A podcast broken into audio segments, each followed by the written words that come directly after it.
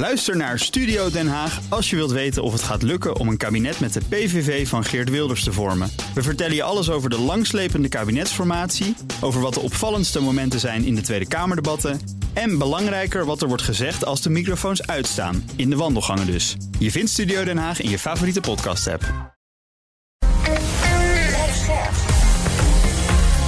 BNR Nieuwsradio. BNR breekt. Ivan Verrips. Goedemorgen en welkom. Vanaf half twaalf praat ik over het nieuws van de dag. Over Johan Derksen en Vandaag Inside. Die zijn vanavond gewoon weer te zien op tv... na alle ophef van de afgelopen twee weken. En beweeg jij minder dan 2,5 uur per week... dan beweeg je dus te weinig. En dat is eigenlijk al jaren zo. In mijn panel vandaag Vredelie Stadelmeijer... directeur van She Consult. Vanuit Spanje weer. Goedemorgen, Vredelie. Goedemorgen. En naast mij zit Sonny Spek, politicoloog, gemeenteraadslid in Katwijk voor de partij Durf. Goedemorgen. Goedemorgen. We gaan beginnen met. BNR breekt. Breekijzer. En dat breekijzer heeft te maken met de NAVO. Finland en Zweden hebben een historische knoop doorgehakt. Zij gaan het lidmaatschap aanvragen bij die NAVO. Jarenlang bleven de landen neutraal om zo de band met Rusland een beetje goed te houden. Maar door de oorlog in Oekraïne staan die landen ja, nu op scherp... en vrezen ze opeens voor hun eigen veiligheid en toekomst. Volgens Finland en Zweden is er maar één mogelijke uitweg... en dat is dus ja, lid worden van die NAVO. Today the Social Democratic Party has concluded that Sweden should join NATO. Our 200-year-long standing policy of military non-alignment has served Sweden well. But the issue at hand is whether military non-alignment will keep serving. Ja, dat zei de Zweedse premier Magdalena Andersson gisteren. Maar is lidmaatschap inderdaad een soort win-win situatie voor iedereen? Of zitten er ook potentieel gevaarlijke addertjes onder het gras? Daar gaan we over praten het komende half uur aan de hand van ons breekijzer, onze stelling waar jij op kunt reageren. Het is niet zonder risico dat Finland en Zweden lid worden van de NAVO. Wat denk jij? Het ermee eens dat dit de enige uitweg is? En uh, moeten de landen uit uh, angst voor Rusland bijvoorbeeld juist neutraal blijven? Of ben je bang dat we Rusland boos maken? Is dat eigenlijk erg? Zie jij ergens beren op de weg? Ik hoor het heel graag. Pak je telefoon, bel naar 020 468 4 keer 0 020 468 4 keer 0 is ons telefoonnummer. Je kan ook van je laten horen via de uh, stories van BNR Nieuwsradio op Instagram. Krijg je over een minuutje of twintig een tussenstandje van me. Um, zometeen hoor je hoe mijn panelleden erover denken. Maar ik begin bij Paul Meerts. Hij is onderhandelings- en diplomatie-expert verbonden aan Instituut Klingendaal. Goedemorgen, Paul. Goedemorgen. Ja, ons breekijzer. Het is niet zonder risico dat Finland en Zweden lid worden van de NAVO. Wat vind jij? Ja, er zijn altijd risico's. Uh, het is uh, bij ons het omstellen van prioriteiten. Je moet altijd wat opgeven om iets te krijgen. Mm -hmm. uh, en als het belangrijker is om lid te worden, en ik denk dat het zo is, dan, dan moet je dat nou doen. Ja. ja, het is een beetje een soort noodzakelijk kwaad, hoor ik uit jouw stem. Ja, kijk, uh, met name Zweden is helemaal niet uh, neutraal geweest zo lang vanwege uh, Rusland. Het had te maken met Napoleon, het had te maken met Duitsland enzovoort. Ja. Maar goed, nu gaat het dan om Rusland. Dus natuurlijk kan je zeggen, ja, dan gaat Poetin dreigen. Maar ik denk, in de eerste plaats zal, zal Poetin echt nu niks gaan doen. Omdat, ja, hij heeft zijn handen vol aan Oekraïne. Ik bedoel, dat kan hij al niet behappen. Dus uh, kijk, voor Linkerhuis nog eens een keer te doen bovendien met de Finnen. Dat was natuurlijk enorm slechte ervaringen toen, ze daar, toen Stalin daar binnen viel. Uh, dat ging eigenlijk helemaal en totaal mee. Ja. Verbinding is een beetje wankel, dus we gaan even opnieuw bellen, Paul. Dan kijken we eventjes uh, hoe we dat uh, wat kunnen verbeteren. Dat zou prettig zijn.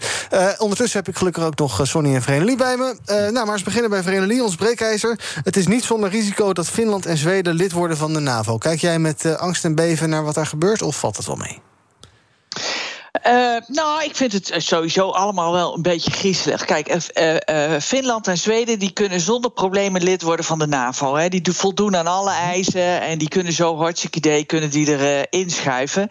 en ik denk dat het in ons belang is dat we gewoon een sterke NAVO hebben. Maar ja, Poetin is natuurlijk wel gewoon een gevaarlijke gek. En je weet gewoon niet wat hij, wat hij gaat doen. En dit is nou precies wat hij niet wou. Mm-hmm. Dus hij krijgt nu wat hij niet wou. ja. ja. Uh, ik, ik, weet niet hoe hij daarop reageert. Ik ben geen helderziende, geen idee. Nee, maar als je in Poetin verplaatst, dan zou je zeggen... zie je nou wel, wij worden bedreigd door die NAVO... Precies, en uh, ze, ze rukken alleen maar verderop. Ja, tuurlijk, exact. Tuurlijk, dat is wat hij gaat zeggen. Ja. En dat is, uh, ja, dat, dat, dat, precies.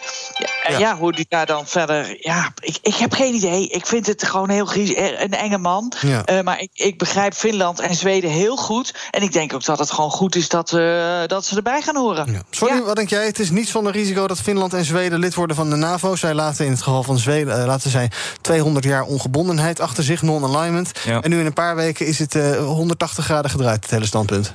Ja, kijk, ik begrijp heel goed dat mensen zich er zorgen over maken. Ook omdat natuurlijk vanuit het Kremlin uh, en eigenlijk vanuit, direct vanuit Poetin natuurlijk heel vaak wordt gezegd dat uh, de NAVO de reden is uh, waarom nu de oorlog met Oekraïne in een nieuwe fase is beland. En ze natuurlijk van alle kanten zijn binnengevallen. Maar als je daar denk ik wat afstand van neemt, is dat natuurlijk nooit de echte reden geweest. Of in ieder geval is mijn overtuiging hm? om Oekraïne aan te vallen. Dat gaat veel meer over het Russische imperium willen uitbreiden. En de NAVO is daar als een uh, excuus eh, voor gebruikt. Want op dit moment is de NAVO natuurlijk al aanwezig uh, door Litouwen, door Letland, door Estland, de Baltische Staten, dus aan de grens van Rusland.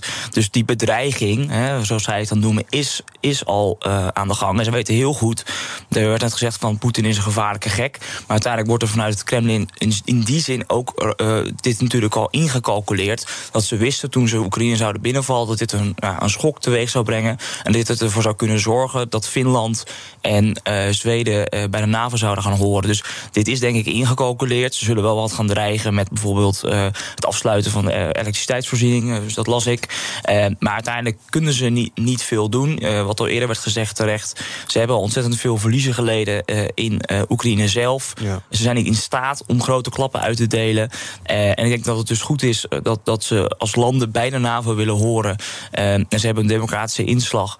Dat dat dan mogelijk is. En ehm, ja, dat, dat lijkt me een goede ontwikkeling. Maar we moeten vooral niet bang zijn uh, voor landen die dreigen. Want die appeasement-politiek heeft tot nu toe uh, niet uh, vaak gewerkt. Wel gewerkt, nee. Paul, je verbinding was net niet zo heel goed. Inmiddels ben je terug. Ehm, wij, wij, hoorden net uh, Lee ook zeggen... ja, Poetin zou ook kunnen zeggen... nu zie je nou wel, die NAVO, dat vind ik maar een enge opru oprukkende club.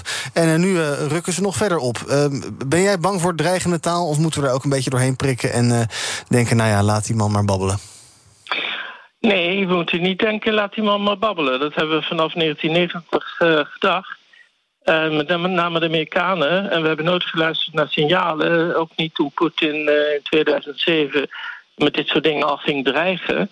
Moeten de Russen wel serieus nemen. We moeten maar niet denken, oh, het zal allemaal wel goed komen. Want je weet maar niet of hij kernwapens gaat gebruiken, ja of nee, met name in Oekraïne. Als hij in de knel komt, zou hij dat wel eens kunnen gaan doen. We moeten ze wel serieus nemen. We hebben gewoon de Russen lange tijd niet serieus genomen. Uh, ook de Russische dreiging niet. Maar kijk, hij zal niet zo gauw wat doen. Want uh, als ze lid worden van de NAVO, dan komen er geen kernwapens, geen NAVO-troepen in Finland en uh, Zweden. En volgens mij zijn die er überhaupt niet in Scandinavië. Dus hij loopt het gevaar dat als hij te veel uh, ellende gaat uh, veroorzaken, te veel grote mond opzet, dat daar kernwapens worden geplaatst, mm. zoals op dit moment in de exclave van Rusland, Kaliningrad. Dat zal hij niet willen, want Kaliningrad wordt dan nog kwetsbaarder dan het nu al is. Dus er is nog wel degelijk ruimte voor tegenzetten. Ja. Maar Paul, je zegt we moeten, we moeten Poetin wel serieus nemen. Um, uh, en tegelijkertijd zeg je van, nou ja, Finland en Zweden, uh, kom lekker bij de NAVO. Hoe serieus moeten we Poetin dan nemen? Wat bedoel je daar dan mee? Ik bedoel daarmee dat we met name de Amerikanen uh, vanaf de ineenstorting van de Sovjet-Unie de Russen niet meer serieus hebben genomen. En zoals terecht al net is gezegd, Poetin wil misschien niet zozeer het imperium herstellen, maar hij wil het orthodox-christelijke Rusland herstellen met Belarus en met Oekraïne. Hij had ook Kazachstan kunnen pakken, maar daar gaat het niet om. Het is heel ideologisch volgens mij. Het is heel emotioneel. En, uh, maar ja, hij moet zijn grenzen wel hebben, want het is hm. bekend. Als je met Russen onderhandelt en je geeft ze een, een, een, een cadeautje of je geeft ze een concessie, dan zullen ze, uh, net als kinderen, zullen ze voor meer, aan meer concessies uh, willen denken. Ja, dat moet je niet hebben. Sorry? Moet wel een lijn trekken. Nou ja, waar ik persoonlijk bezwaar tegen maak... is het idee dat het vooral vanuit de emotie is. Hè. Dat, dat doen we al heel erg lang. Dat we zeggen van nou, landen waar we het niet mee eens zijn... en voor, voor de duidelijkheid, dat heb ik ook... Mm -hmm. dat is vooral uh, vanuit de emotie, maar vanuit Rusland is dit natuurlijk vanuit een bepaald historisch perspectief. En is het juist heel rationeel om dit te doen. Maar dat is vanuit hun visie. En daar zijn wij het gelukkig eh, mee uh, oneens. Um, ik, ik, denk dat dus wel dat het belangrijk is om ook daarnaar te kijken. En Poetin heeft natuurlijk in uh, december aangeboden om te gaan onderhandelen. Maar dat wilden ze niet echt. Um, en als ze dat dus wel echt hadden gewild, dan had hij ook over gesproken ja. kunnen worden. Dus dit is al ingecalculeerd. Dit wisten ze. En het is belangrijk voor ons om te realiseren dat het dus niet om de NAVO gaat, maar echt om uh, Oekraïne zelf. En uh, daarom hoeven we denk ik ook niet uh, bang te zijn voor verdere stappen. Oké, okay, met die geruststelling gaan we naar onze luisteraars. Ons breekijzer is: het is niet zonder risico dat Finland en Zweden lid worden van de NAVO. Als je erop wil reageren, kan je je telefoon pakken en bellen naar 020 468 4x0. Rob Quist, goedemorgen. Ja, met, goedemorgen met Rob Quist. Ja, we moeten gewoon Poetin de slag voor zijn. Want Finland past precies in de visie van het grote Russische Rijken stellen... wat hij zelf allemaal uh, heeft opgedist. Finland is uh, destijds geannexeerd door uh, Tsar Alexander... voor een periode van 100 jaar. Was onderdeel van het Russische Rijk. Hebben hun vrijheid daarna bevochten. Daarna is Stalin binnengevallen. Hebben ze stukken in moeten leveren. En we moeten er niet in denken dat Poetin onze slag voor is. Dat hij Zweden en Finland pakt. Want het is, betekent een enorme verzwakking van de noordelijke positie van de NAVO. Ik denk ook aan het eiland Bornholm. Mhm, Ik vind dat de Finnen, we moeten solidair zijn met de Finnen, met alle Europese landen. Want Rusland is een grote Aziatische grootmacht. Heel Noord-Azië met elf tijdzones. En wij hebben er maar drie. En wij hebben oppervlaktes. Voor Rusland is, is vier keer zo groot de stad van de EU. Ja, dus jij Dus zegt- Rusland is een veel grotere bedreiging voor ons dan omgekeerd. Ja, jij zegt die twee landen bij je westerse wereld betrekken... want anders doet Poetin het bij zijn wereld. Ja, dan krijg je de situatie van 1939. Toen waren we te laat. Toen wilden de Fransen en de Engelsen die wilden de Finnen te hulp komen in die winteroorlog. Maar dat werd toen geblokkeerd door Nazi-Duitsland. Die hadden een verdrag met eh, de Russen, dat Ribbentrop-Molotov-verdrag. Dank voor het bellen, Eh, Rob. John, goedemorgen. Ja, goedendag. Ja, ik was eerst eh, voor, maar nu ben ik tegen. Althans, ik ben voor, eh, voor dat de NAVO, eh, dat Finland en Zweden bij de NAVO komen.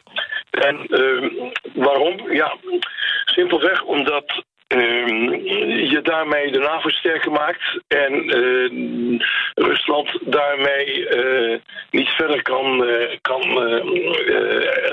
kan inbreken op, op die landen die, die hij al geannexeerd heeft. Ja. Dus eh, het moet gewoon. ehm, ja, het moet gewoon gebeuren. het moet gewoon gebeuren. Wat, de- wat Poetin, en er is nog een dingetje wat Poetin is. eh, wat we net gehoord hebben op de radio. Hij schijnt ziek te zijn. Hij schijnt een bloed, een bloedziekte te hebben.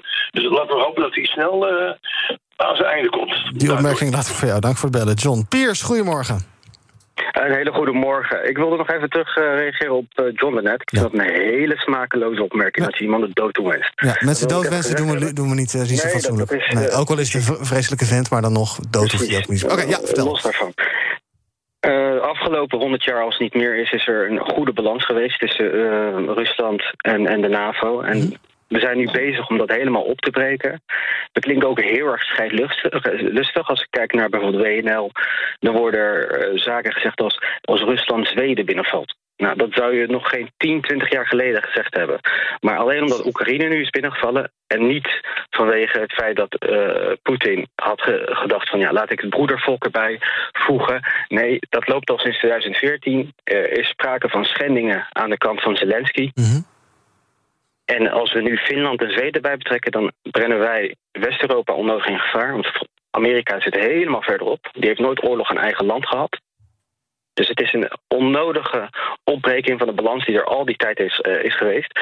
En we willen zo graag de hegemonie van, van Amerika onder leiding van Biden in stand wordt gehouden ten koste van onze eigen veiligheid hier in Europa. En onze, natuurlijk onze eigen financiële eh, eh, security in de zin van dat we nu ook afhankelijk zijn van Amerika voor LNG-gas bijvoorbeeld. Dus het is een hele, hele kwalijke zaak dat Finland en, en, en Zweden worden toegelaten. En nog een laatste punt. een kerel daar in, de- in, in, in de studio zei, we moeten ehm, nee, laat ik zeggen, niet meegaan met landen die dreigen. Nou, dan wil ik hem toch nog even wijzen op de Bush-doctrine destijds. If you're not one of us, you're one of them. En dat als dat geen dreigtalk is, als dat niet evangelisch eh, crusade-achtige dreigtalk is, dan weet ik het ook niet meer. Dan zijn we ook helemaal niet meer objectief op het nieuws. Dank voor het bellen. Dat wil ik allemaal even voorleggen aan Paul Meers van Klingendaal. BNR breekt. Ivan Verrips. Hij is bij me, net als in mijn panel vandaag. Sonny Spek, gemeenteraadslid in Katwijk. Verenigde Stadelmeijer, directeur van She Consult. We praten over ons breekijzer. Het is niet zonder risico dat Finland en Zweden lid worden van de NAVO. Je kunt ook meepraten. 020 468 4 keer 0 is ons telefoonnummer. En Paul weet alles van de diplomatie en onderhandelen. Verbonden aan eh, Klingendaal dus. Eh, ja, eh, wat Piers net zei. We, zijn, we gaan heel erg mee in een soort eh, ja, eh, oorlogstaalachtig. Laten we ons daar ook niet een beetje door overvallen misschien, denk jij? Ja, misschien wel. We moeten niet maar alles eh, in Amerikaanse handen geven. Amerika zit inderdaad ver weg. Uh, we moeten veel meer in de Europese Unie ook aan dit soort veiligheidssituaties gaan werken. En daarom is het zo belangrijk dat Zweden en Finland ook lid worden van de NAVO, want ze zijn ook lid van de Europese Unie. En voor Finland en Zweden maakt het uit in politieke zin. Maar ze zijn al lang uh, eigenlijk geïntegreerd in de NAVO. In het geheim zijn ze al lang, gebruiken ze alle NAVO-procedures. Dus uh, feitelijk maakt het eigenlijk niet uit, maakt alleen politiek uit. Ja. Uh, Rusland heeft al gezegd dat ze uh, nou ja, stappen gaan zetten, dus militair-technische stappen. Dat zijn dan termen die je uit vertaalde berichten leest.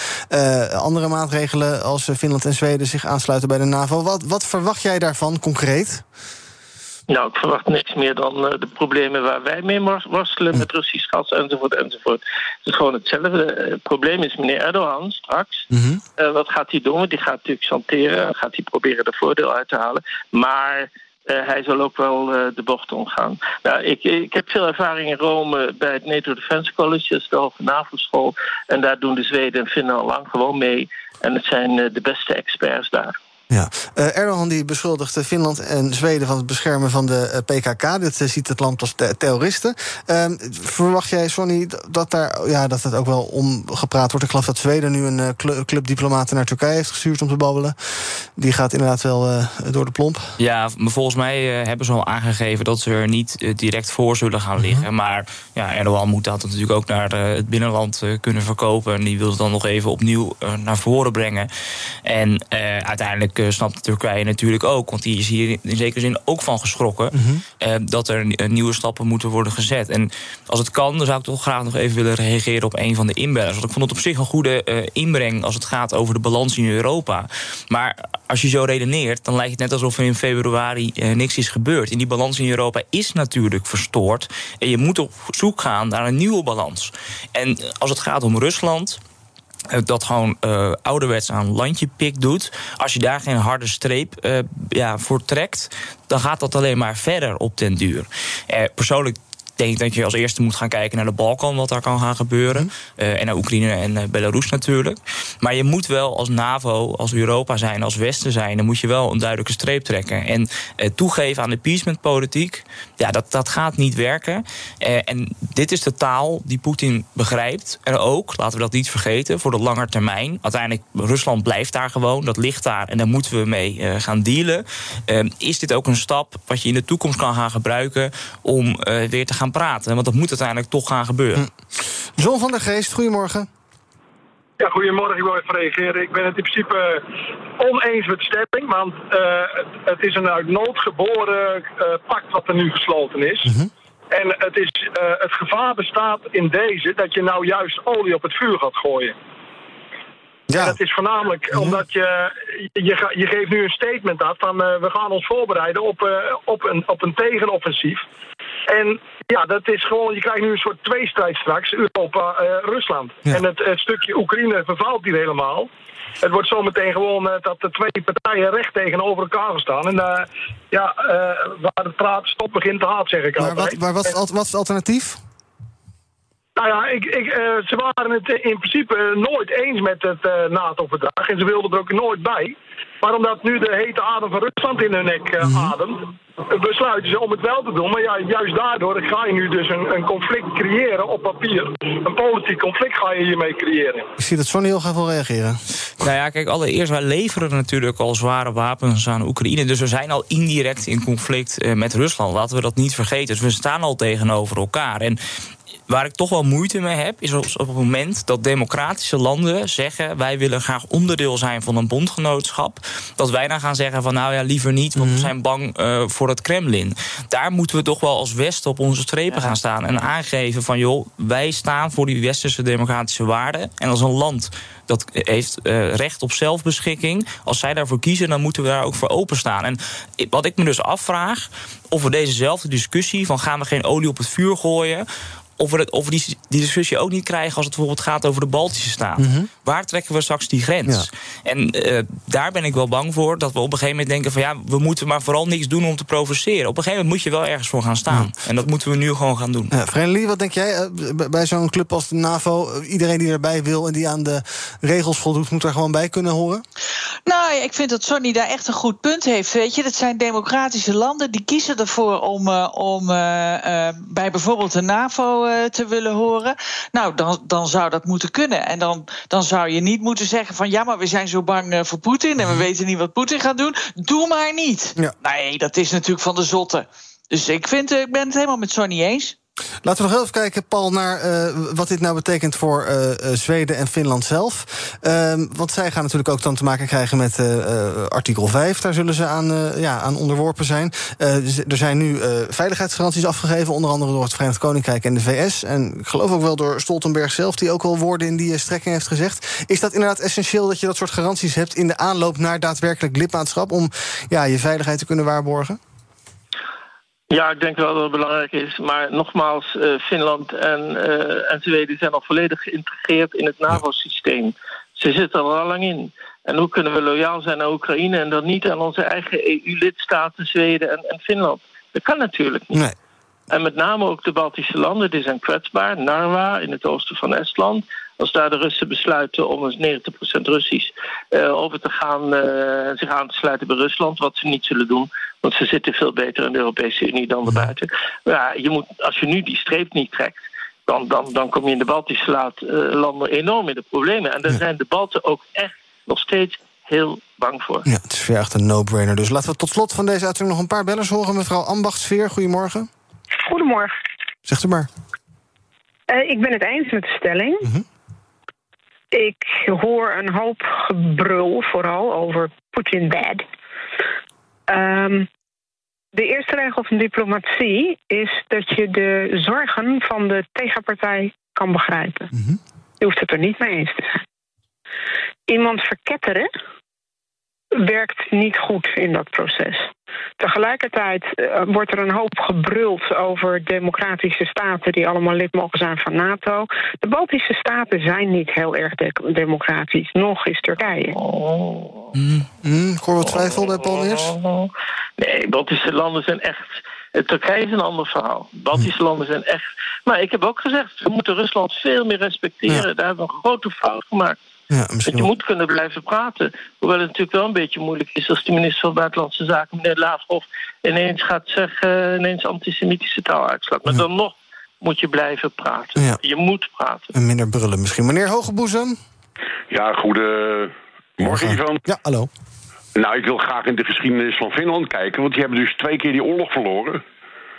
En die hebben bij een akkoord van Moskou hebben ze afgesproken dat ze neutraal zouden blijven. -hmm.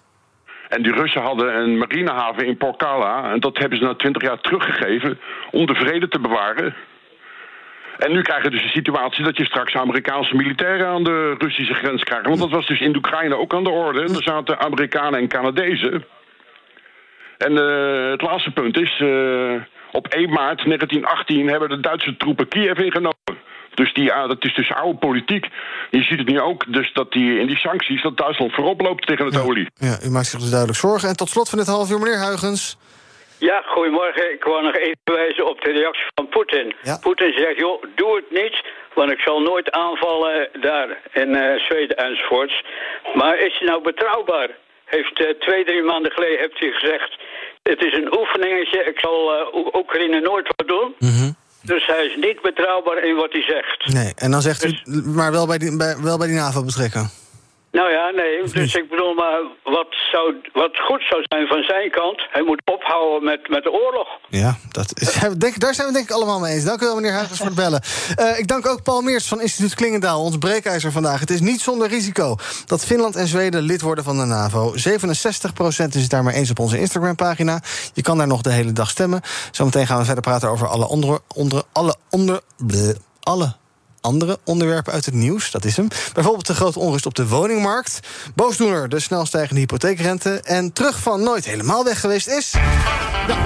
Johan Derksen, vanavond terug op tv. Gaat Talpa dan toch gewoon voor het grote geld zometeen bij BNR Breekt? Bij BNR ben je altijd als eerste op de hoogte van het laatste nieuws. Luister dagelijks live via internet. Bas van Werven. En heel langzaam komt de zon op rond dit tijdstip. Je krijgt inzicht in de dag die komt op BNR, het Binnenhof in Nederland en de rest van de wereld. De Ochtendspits. Voor de beste start van je werkdag. Blijf scherp en mis niets. Blijf scherp. BNR Nieuwsradio. BNR breekt. Ivan Verrips. Welkom terug bij BNR Breekt. In mijn panel vandaag Sonny Spek. Hij is gemeenteraadslid in Katwijk voor de lokale partij Durf. En ook Vereniging Stadelmeijer, zij is directeur van She Consult. En wij gaan praten over het nieuws van de dag. Eh, te beginnen met eh, de woningmarkt. En daar zijn wat dingen aan het bewegen. En dat komt door de hypotheekrente. Die is bezig aan een opmars. En dat maakt mensen op de koopwoningmarkt zenuwachtig. Schrijft het Financiële Dagblad deze ochtend. Geld is eh, namelijk niet meer met bakken tegelijk op te rapen, praktisch gratis. Mensen kunnen dus minder lenen bij hetzelfde inkomen. En ook niet onbelangrijk, de maandlasten gaan omhoog. Dus Vrenelie, uh, ja, die woningmarkt die is natuurlijk al heel lang overspannen. En dat lijkt nu uh, misschien een beetje af te koelen. Is dat goed nieuws dat het wat normaliseert wat jou betreft? Ik denk dat het goed nieuws is dat hij normaliseert, maar ik weet niet of dit helpt. Uh, mensen met een, met een normaal salaris kunnen gewoon geen huis kopen. En op het moment dat de hypotheekrente uh, gaat stijgen, wordt dat alleen nog maar meer, uh, meer onmogelijk. Mm -hmm. Uh, dan kan je zeggen van dan dalen de prijzen van de huizen naar vanand. Want dat gaat dan natuurlijk gebeuren. Maar daar zal enige vertraging tussen zitten. Want mensen die, die nu nog uh, zeggen even vier ton voor een huis krijgen, denken te krijgen, gaan het echt over een half jaar of over een jaar niet voor 3,5 uh, te koop zetten. Mm -hmm. Dus ik denk dat het gat steeds groter wordt. Uh, en bovendien kunnen ze dan nog steeds niet betalen. Dus ik, ik denk de enige oplossing om die, om die woningmarkt uh, open te breken is om um, ja, gewoon toch echt heel veel te gaan bouwen. Ja. En, en uh, dingen uh, te verbieden als dat je je huis uh, mag verhuren voor Airbnb enzovoorts. Ja, zelfbewoningsplicht dus en dergelijke. Precies. En precies, ja. want jij denkt inderdaad, ja, dan gaan die prijzen wat omlaag, maar je kan ook minder lenen, je maandlasten ja, gaan omhoog. Dus, dus eigenlijk, dus eigenlijk schiet niemand ermee op. Nee. Nou, luister, de bank. luister even mee naar Peter Boelhouwer, hoogleraar woningmarkt aan de TU Delft. Die zei vanochtend dit op BNR. Als die gaat doorstijgen, ja, dan gaat dat natuurlijk wel degelijk effecten hebben op de, op de polstok die met name starters hebben. Want ja, die, die, die lenen toch maximaal. En die zullen echt, uh, echt minder, minder kunnen gaan lenen. Nou, Sonny is ook nog de starters, de Sjaak. Leuk is ja. dat. Ja, daar hoor ik natuurlijk ook bij. Ja, kijk, ik ben zelf natuurlijk geen econoom, econoom dus ik kan ook niet heel goed uh, de gevolgen overzien. Wel portemonnee. Dat wel, eh, maar ik probeer het vooral in het bredere plaatje te zien. Dat er gewoon steeds meer druk ook komt op, uh, op onze economie. Hè, als het gaat over de inflatie, als het gaat over de grondstofprijzen, als het gaat over de huizenprijzen. Die trouwens nu dan uh, zouden stagneren, of in ieder geval misschien hun piek zouden hebben bereikt. de bezorgdheid op de beurzen, dat, dat merk je wel overal in door. En dat vind ik vooral een spannende. Ik, ik geloof zelf wel in het adagium van zeven magere jaren, zeven vette jaren. En we hebben natuurlijk de afgelopen jaren eigenlijk het vrij goed gehad gehad. Niet dat iedereen het merkte, maar het ging uh, voortvarend. Um, je zou zeggen dat de ECB uh, dan ook de rente zou hebben verhoogd. Hè, om daar een soort tegenwicht tegen te bieden. Voor het moment dat het weer uh, slechter zou gaan. Nou, nu zetten ze eindelijk die stap. Ik denk dat dat een goede stap is. Maar ik vraag me wel af of we dat precies nu gaan doen. op een moment dat het economisch achteruit zal gaan. Dat misschien juist de, de renteverlaging goed zou zijn. Ja. Daar, maak, daar maak ik me dan zorgen over. Maar daar kijk ik ook wel enigszins als amateur naar. Um, maar dat er niet te veel kapitaal op de markt komt, maar dat het weer duurder wordt om te gaan uh, lenen. Ik zie dat niet per se als een, uh, als een negatieve ontwikkeling. Nee. Uh, want er is toch wel heel veel uh, ja, kapitaal op de markt de afgelopen jaren gekomen. En daarna zie je ook dat die vermogensongelijkheid toeneemt. En dat vind ik geen positieve ontwikkeling. Alleen misschien had het al eerder gemoeten. Uh, maar dat die woningmarkt zichzelf weer um, ja, in een andere positie gaat manoeuvreren. Ja, dat is denk ik toch een correctie wat er de afgelopen jaren is gebeurd. Ja. En of dat dan op termijn slechter is voor starters, dat, dat vraag ik me dan af. Ja, de ECB die zegt dus, uh, heeft vorige week bekendgemaakt dat ze geloof in juli de rente voor het eerst in een jaar of tien gaan verhogen. Nou, de verwachting is dat daardoor de hypotheekrente natuurlijk ook doorstijgt. Uh, als we even kijken, in het FD-artikel stond uh, rentevaste periode van 20 jaar. Dat was eerst 1,8% in oktober. Was vorige week 3,7% Dat is dan nog steeds historisch laag, zegt de hypotheekshop. Maar ja, mensen schrikken daar wel van. Ja. En gaan bijvoorbeeld, Vrenelie ook, als je huis wil verkopen... wat gebeurt is mensen die denken van... nou, ik wil na de zomer verhuizen. Die gaan nu al een huis te koop zetten. Dus ja, het zijn een beetje allemaal uh, noodsprongen... die we allemaal aan het maken zijn. Ja, om maar een, om maar een goede prijs uh, ja. voor je huis uh, te krijgen, ja. Maar dat begrijp jij wel dus? Ja, ik, ik, natuurlijk begrijp ik dat. maar ja, Weet je, het is gewoon. De huizen zijn gewoon veel te duur. Dat is ja. natuurlijk gewoon, zeker voor starters, uh, uh, is het gewoon niet te doen. En daar moeten we gewoon als maatschappij toch, toch een oplossing uh, voor zien te vinden. Weet je, ik vind het van de zotte dat als jij verpleegkundige bent of je bent onderwijzer en je woont in Amsterdam of, of je woont in, in Arnhem, ik zeg maar wat, mm -hmm. dat je gewoon geen huis kan kopen. Ja. Dat, je, dat je gewoon met een fatsoenlijk salaris gewoon geen normaal huis kan kopen. Ja, dat, dat moeten we echt als maatschappij anders, eh, anders doen. En hoe, dat weet ik niet. Ik ben geen econoom. Mhm. Maar ik denk wel dat het anders moet. Want dit zorgt voor heel veel onrust eh, in de maatschappij.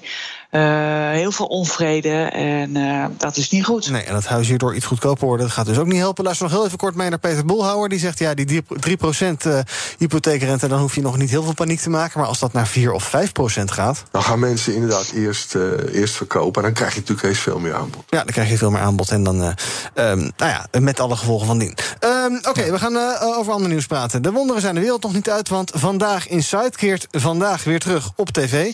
Trouwe kijkers van het programma van eh, Wilfred Gené, René van der Gijp en Johan Derks... hebben het programma twee weken moeten missen, maar nu is het weer terug. Hoe zat het ook alweer? Het hele land viel over eh, Johan Derksen... die een verhaal eh, ophield over ja, een kaars en een dronken vrouw... en wat hij met die kaars zou hebben gedaan. De ene avond was er nog een ander verhaal dan de andere avond.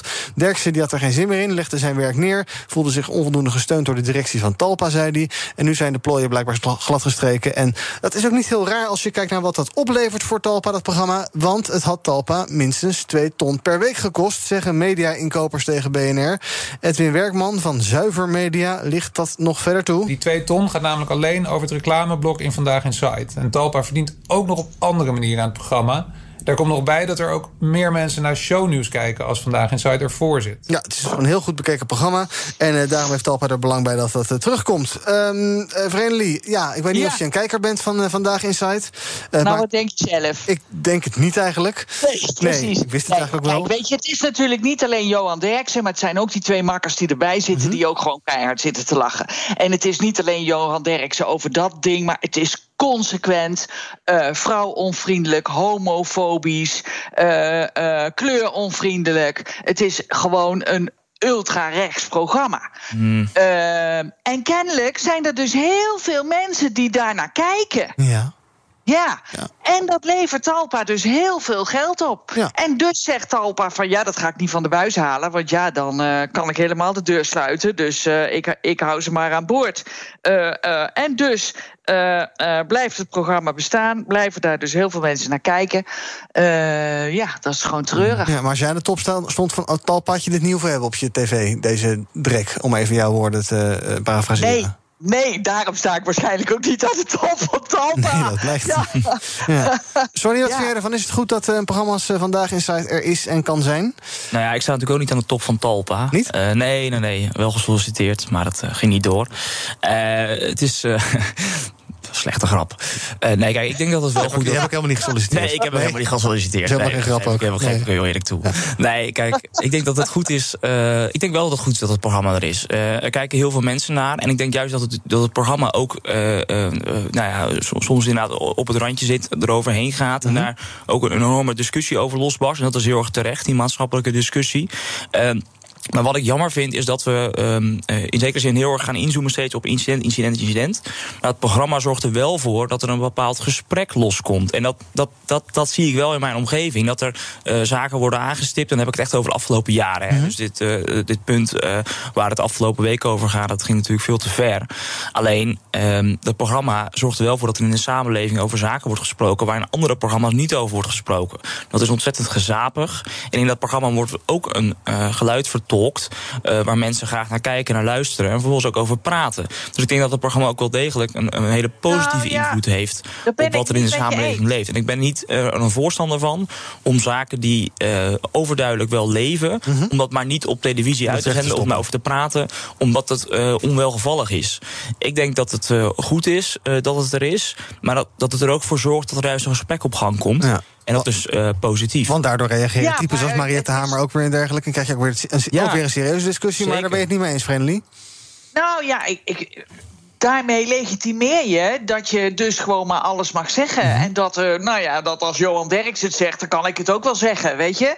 Eh, eh, zo kort door de bocht zijn mensen natuurlijk. Dus, dus ja, ik vind het eigenlijk niet zo'n goed idee dat zulke soort programma's op de televisie zijn. Nee, maar het goede ik weet is- niet of je zomaar al het geluid op tv moet laten horen. Ik bedoel, Nee. die, die onzin van, van, van hoe heet die engel, laten we ook niet horen. Van die Nee, wappies. Maar, ja. maar vervolgens is het wel zo dat als Derks iets doms zegt, dat er iemand aan tafel zit die zegt van... hé, hey, wat jij nu zegt is raar. En dat je daar dus wel een discussie over krijgt. Want punt wat hij natuurlijk aansneed... was over heel dat- hard zitten lachen. Nee, ja, precies. Maar dat is, dus, dat is dus niet het goede. Er komt wel degelijk een bepaald maatschappelijk gesprek uit voort. En eh, dat, dat is belangrijk. Eh, want dat wordt wel losgemaakt. En dat punt wat hij natuurlijk aansneed... en dat is helemaal vergeten eh, in, de, in de ophef... die denk ik ook terecht was was dat hij natuurlijk zegt van ja, de, de tijdsgeest is veranderd. Nou, in welk programma heb je nou in Nederland dat daar nou eens een keer over wordt gesproken? Noem maar één. Nou ja, dan heb je het dus over vandaag in site. Dus er worden wel degelijk wezenlijke thema's aangesneden. Eh, inderdaad op een soms ludieke manier of een ongepaste manier. Maar het is wel het enige programma waarvan ik vind dat het een bepaalde mate eh, authentiek is. En dat is wel belangrijk. Juist in deze tijd. Vrenelie, tot slot, ehm, het argument... nou ja, als je niet wil kijken, dan zit er een uitknop op je tv... dus wat maakt het eigenlijk uit? Gaat dat op of niet? Ik denk jij dat jij dus niet gaat kijken. Ik denk dat Sonja eigenlijk ook niet gaat kijken. Je bent geloof ik geen vaste kijker, toch? Of wel? Eh, ja, die televisie staat er heel lang uit bij mij. ja, Dat nou, is, ook geen kijker. Nou Eh, ja, ik, ik, ik, ik- eh, eh, hij, door, door eh, op zo'n manier bijvoorbeeld over vrouwen te praten Mhm. of over homo's, eh, eh, legitimeert hij voor een grote groep dat je dus zo daarover kunt praten. Dat vind ik gewoon niet goed. Dat is niet oké. En ik vind dat je dat op nationale televisie gewoon niet zou moeten hebben. Nee, dus wat jou betreft was er gewoon lekker de zoveelste herhaling van Chateau Meiland uitgezonden. Nou ja, ja, en dan eh, en, en, en dan kwam Ten Hag kwam er, kwam er nou nog weer overheen. En die zegt van, nou ja, als Johan Derksen terug kan komen bij, eh, op tv... dan kan Overmars wel weer terug naar Ajax. Oh, ja. Toen dacht ik echt, yes! Ja. Dus dat krijgen we nou Kan Marco Borsato weer gaan zingen? Nee, precies. Oké, goed. lekker, Duidelijk. lekker nou, dan, geen kijkers hier aanwezig in de studio, geloof ik. Ook Liesbeth Staats vind je in de BNR-app. Ja, heel handig. Luister live naar Kees en mij tijdens de Daily Move. Dan blijf je ook gelijk op de hoogte van breaking news en het laatste zakelijke nieuws. En daar vind je ook alle BNR-podcasts, waaronder de Perestrooikast. Download nu de gratis BNR-app en blijf scherp. Thomas van Zo. BNR breekt. Gaan wij kijken naar wat mijn panelleden opviel in het nieuws vandaag. Te beginnen met Vrenelie. En eh, ja, dat personeelstekort, daar wilde jij het ook over hebben. Ja, ik eh, hoor nou net dat eh, Thomas uh, Jakovonhoff eh, op bezoek heeft om eh, daarover te praten. Maar ik wilde het daar ook over hebben, want het loopt echt gierend uit de, eh, uit de klauwen als je dat zo mo- moet horen. Hè. De NS die minder treinen eh, inzet, eh, eh, de bouw die stokt omdat er geen timmermannen meer zijn. Nou, kortom, het, eh, het is echt, eh, echt wel een groot probleem. En men- probeert er van alles aan te doen. Hè. De Duitse spoorwegen heeft een vrouwentrein gemaakt om het land mee door te trekken, om vrouwen eh, aan te trekken om.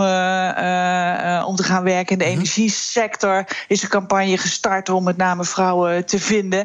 Ehm, en we hebben in Nederland hebben we 900.000 eh, vrouwen, waarvan ongeveer de helft eh, 25 uur of minder werkt. Dus daar zit een enorme winst. Die vrouwen, de, als je die vraagt om wat meer te werken, dan wil een heel groot deel wil dat best. Dus Ja. daar zit potentie.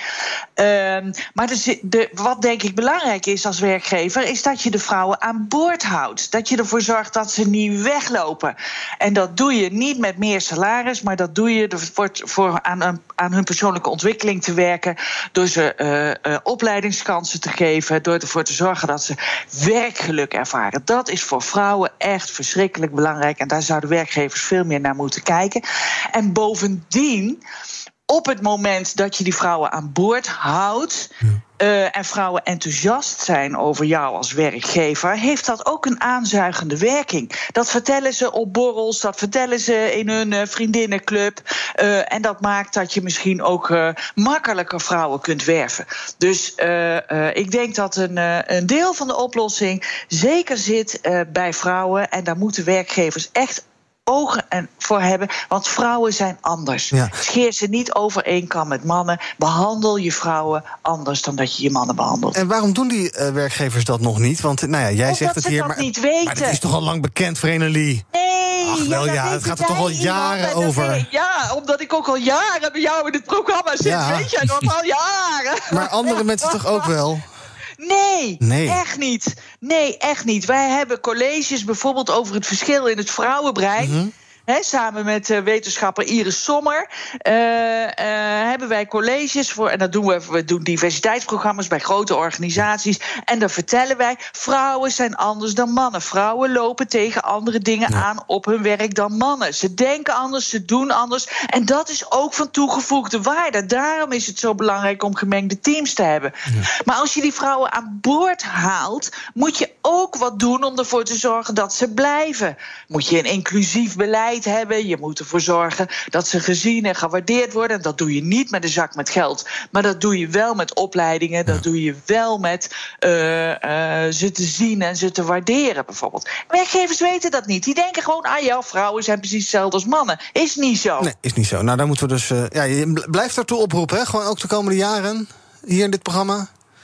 Ik hoor heel graag jouw betoog daarover. We gaan gewoon lekker ja, door. Ja. Oké. Okay. We zijn er dan lang.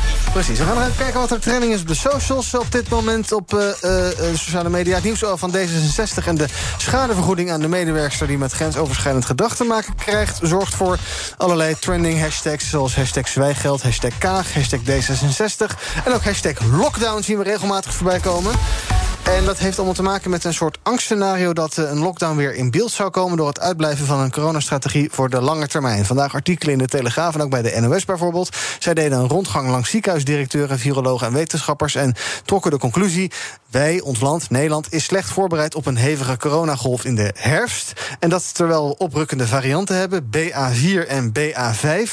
Ja, uh, bij mij is corona nou niet echt heel erg top of mind. Uh, ik weet niet hoe het bij jullie zit, maar ik denk het niet echt. Maar we moeten blijkbaar zijn we, hebben we veel te vrijblijvende plannen in ons kabinet, Sonny. En moeten we betere plannen gaan maken? Beter leren leven met het virus in plaats van denken: dag, virus, succes ermee. Ja, Nederland heeft natuurlijk een enorm uh, ruim coronabeleid de afgelopen maanden gehad. En het, het, eigenlijk kwam het ook door, uh, ja, ironisch genoeg, door de oorlog in Oekraïne. Dat eigenlijk het hele coronanieuws naar de achtergrond verdween. Dat je ook het gevoel had van: nou, bestaat dat eigenlijk nog? Uh, ik denk zeker dat het belangrijk is dat we er zeker ook rekening mee houden dat het uh, terug kan keren. Er zijn ook verschillende varianten uh, weer aangemerkt als, uh, die we moeten in, in de gaten moeten gaan houden. En als ik iets heb geleerd in die twee jaar van corona... is dat je overal rekening mee moet kunnen houden. En dat we ook als Nederland toch erop moeten kunnen rekenen dat er een plan klaar ligt uh, om eventueel um, ja, toch weer maatregelen te gaan treffen als dat nodig is. Ja. Uh, laten we hopen van niet. Uh, op dit moment ziet het er ook niet zo naar uit. Maar dat, hebben we natuurlijk eerder gezegd. En ja, het kan natuurlijk altijd weer zijn dat er een bepaalde variant op, opduikt. Omdat het zo snel circuleert in, de, in Nederland, maar ook in de wereld natuurlijk. Dat er weer een variant opduikt die net weer even anders is. Waar we net even minder goed tegen bestand zijn. en dat we toch weer extra moeten gaan vaccineren. Dus voor mij komt er ook weer een extra vaccinatieronde uh, aan voor de mensen die dat uh, willen. En dat is ook een goed iets uh, komende ja. zomer. Maar ik denk zeker dat het goed is, want dat hebben we in het verleden niet gedaan. Dat we proactief van tevoren gaan kijken wat kan er mogelijk nodig zijn. En we hebben in deze crisis te vaak gehad, als het ging over de, over de mondkapjes, als het ging over het vaccineren, als het ging over het testen, dat we te laat waren ja. en dat we het afschaalden, terwijl dat eigenlijk uh, niet verstandig uh, was. Ja, Frenly, wat is jouw indruk? Vrees je voor het najaar met allerlei maatregelen, ellende, lockdowns-achtig gedoe, of vind je ja. het een beetje bangmakerij? Nee, ik vind het geen bangmakerij. Als je ziet hoe het virus rondwaart in de rest van de wereld, dat is gewoon niet fijn. Ja. Dat, leidt, ja, dat vergroot ook weer de kans op, uh, op uh, mutaties.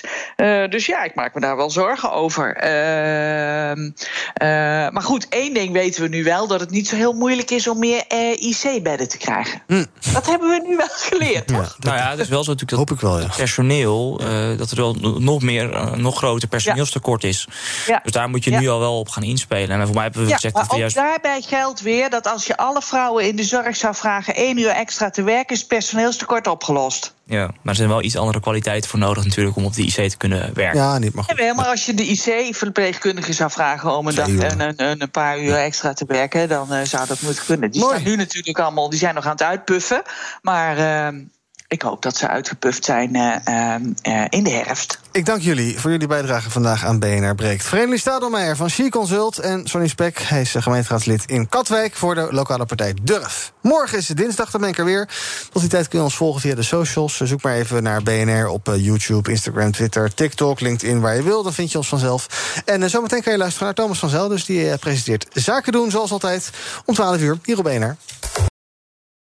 Ook Hugo Reitsma vind je in de BNR-app. Superhandig die BNR-app. Je kunt alle programma's live luisteren, breaking nieuwsmeldingen.